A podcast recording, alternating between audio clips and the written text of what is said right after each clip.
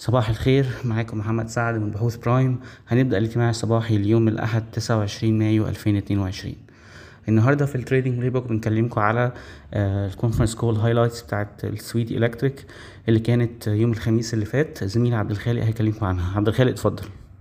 صباح الخير. شركة السويدي يوم الخميس اللي فات عقدت earnings call وفي خلال ال earnings call دي الشركة اتكلمت عن نتائجها للربع الأول من سنة 2022 آه، طبعا النتائج بتاعت الربع الأول كانت نتائج قوية جدا. بالنسبة لل net profits بتاعت الشركة آه، حققت 761 مليون جنيه ودي زيادة تقريبا 8.7 من 10 year بالنسبة بقى لل gross profits أو ال gross profit margin تحديدا فال gross profit margin قلت من 15% ل 12.5% وهنتكلم دلوقتي عن إيه الأسباب في النزول ده. بالنسبة للمبيعات المبيعات زادت جدا تقريبا 51% مقارنة بالربع الأول من السنة اللي فاتت وده رقم كبير جدا. بس لازم ناخد بالنا من حاجة مهمة إن ال 51% دول مش زيادة صافية في المبيعات. بمعنى إن معظم الزيادة ال 51% دي كانت بسبب ارتفاع الأسعار الكبير جدا الفترة اللي فاتت. بس برضه كان في جزء من الزيادة دي بيعود للزيادة في قسم ال wires and cables ال turnkey projects وقسم ال transformers أو المحولات. نيجي بقى للنقطة المهمة هو إيه السبب في إن ال margins بتاعت الشركة قلت عن السنة اللي فاتت؟ بالنسبة لأهم اتنين business segments من رأينا وهم ال wires and cables وال turnkey لأنهم بيمثلوا معظم ال revenue بتاع الشركة. فال gross profit margin قلت من حوالي 13% ل 10% للقسمين وإن ال margin دي تعتبر في نفس مستوى ال margins بتاعت كل المنافسين. آه، طبعا إحنا من رأينا إن ال margin المفروض تكون أقوى من كده بالنسبة للسويدي من أكبر الشركات في المجال ده فالمفروض تكون أرقامها أحسن من المنافسين. بالنسبة لل transformer segment فال transformers gross profit margin قلت من 29% ل 14% وده رقم كبير شوية بس معظمه بيعود لل restructuring اللي حاليا بيحصل للشركات السويدي المملوكة في إندونيسيا. السويدي حققت أكبر backlog ليها في تاريخها وهو بقيمة 73 مليار جنيه مصري. وجزء من الزيادة دي بيعود لل devaluation بتاع الجنيه اللي زود لهم في ال backlog آه، بسبب إن معظم ال backlog بالعملة الأجنبية. الشركة برضو الربع ده حققت 2 مليون جنيه أرباح فروق عملة مقارنة ب 16 مليون جنيه أرباح فروق عملة في الربع الأول من 2021 وده بيعود لل devaluation بتاع الجنيه اللي أثر على الشركات المحلية المملوكة للسويدي مقارنة بشركاتهم الأجنبية. لكن الشركات الأجنبية عرفت تعوض الخسائر دي بشكل معقول جدا في الربع الأول. بالنسبة للاستثمارات الجديدة فال CapEx بتاع السويدي ما كانش أقوى حاجة في الربع الأول ولكن نقدر نتكلم على نقطتين مهمين جدا فيه وهو مصنع ال busway الجديد اللي هو الأول من نوعه في أفريقيا واللي كلفهم استثمارات حوالي 10 مليون دولار. والسويدي تتوقع إنه هيمثل أقل من 1% من مجمل المبيعات بتاعت الشركة. ومن الناحية الثانية السويدي كان عندها استحواذات في باكستان وإندونيسيا تقريبا بقيمة 60 مليون دولار. الاستحواذات دي كان سببها الرئيسي التوسع في أسواق جديدة اللي من رأيهم إن السوق الباكستاني والسوق الإندونيسي آه، أسواق قوية جدا وعندها قدرة شرائية كويسة للمنتجات السويدي وفي نفس الوقت هي كثيفة السكان وده هيساعد منتجاتهم آه، إنها تبيع بشكل كويس. شكرا ليكم وصباح الخير. Okay شكرا جدا عبد الخالق. آه بنفكركم إن إحنا عندنا overweight rating على السويدي آه بسعر مستهدف تقريبا 14 جنيه 30 قرش مما يعني upside potential حوالي 102% برضو من أخبار الشركات إن كان آه، تحالف اوراسكوم كونستراكشن وسيمنز الألمانية والمقاولين العرب كانوا وقعوا مع الهيئة القومية للأنفاق آه، عقود المرحلة الثانية من شبكة القطار آه، الكهربائي آه، فائق السرعة.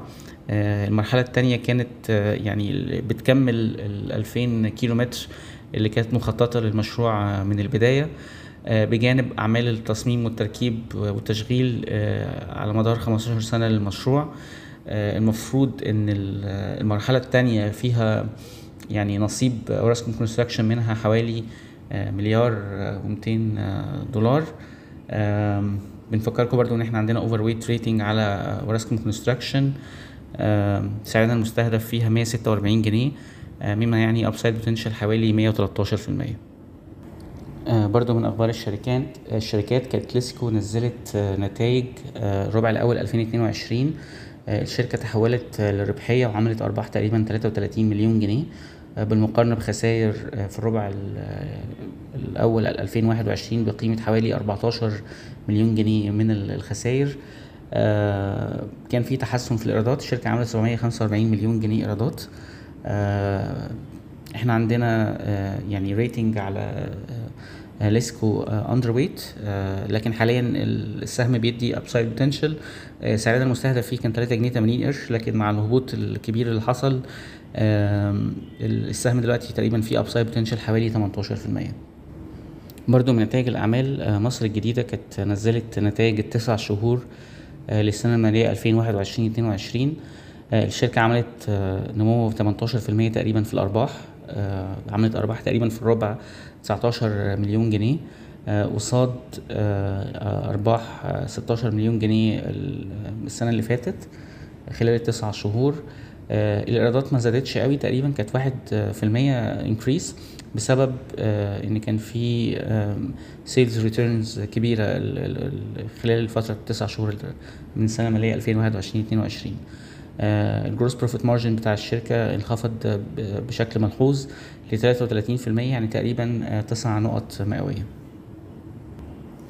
وأخيرا من نتائج الشركات كان بنك التعمير والإسكان نزل ال full financials بتاعته آه، ال standalone آه، أو القوائم المالية المستقلة أظهرت نمو ضعيف في صافي الأرباح بحوالي 3% آه، البنك عمل 640 مليون جنيه. بالرغم إن كان في نمو في ال net interest income أو صافي الدخل من العائد بحوالي 18% آه، وكمان كان في تراجع في ال effective tax rate أو سعر الضريبة الفعلي.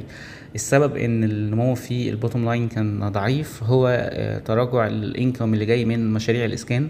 آه، بجانب إن السنة اللي فاتت في الربع الأول كان البنك رادد مخصصات أو كان في provisions reversal بالمقارنة إن كان في provisions build up موجود آه، خلال ال- quarter الأول من 2022 آه، بشكل عام نتائج ممكن ما تكونش آه، أقوى حاجة. آه، لكن بنفكركم إن ال- سعرنا المستهدف في البنك هو 49 جنيه آه، بما يعني upside potential حوالي 32% شكرا.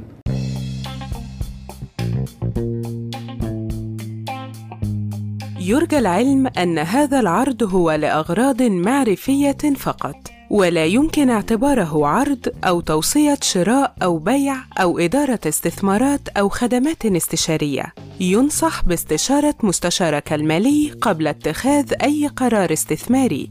الأداء التاريخي ليس مؤشراً يعتمد عليه لتحديد الأداء في المستقبل.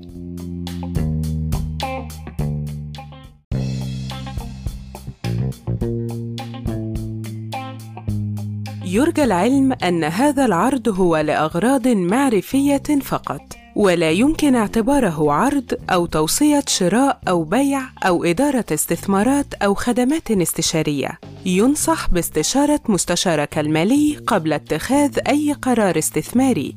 الأداء التاريخي ليس مؤشراً يعتمد عليه لتحديد الأداء في المستقبل.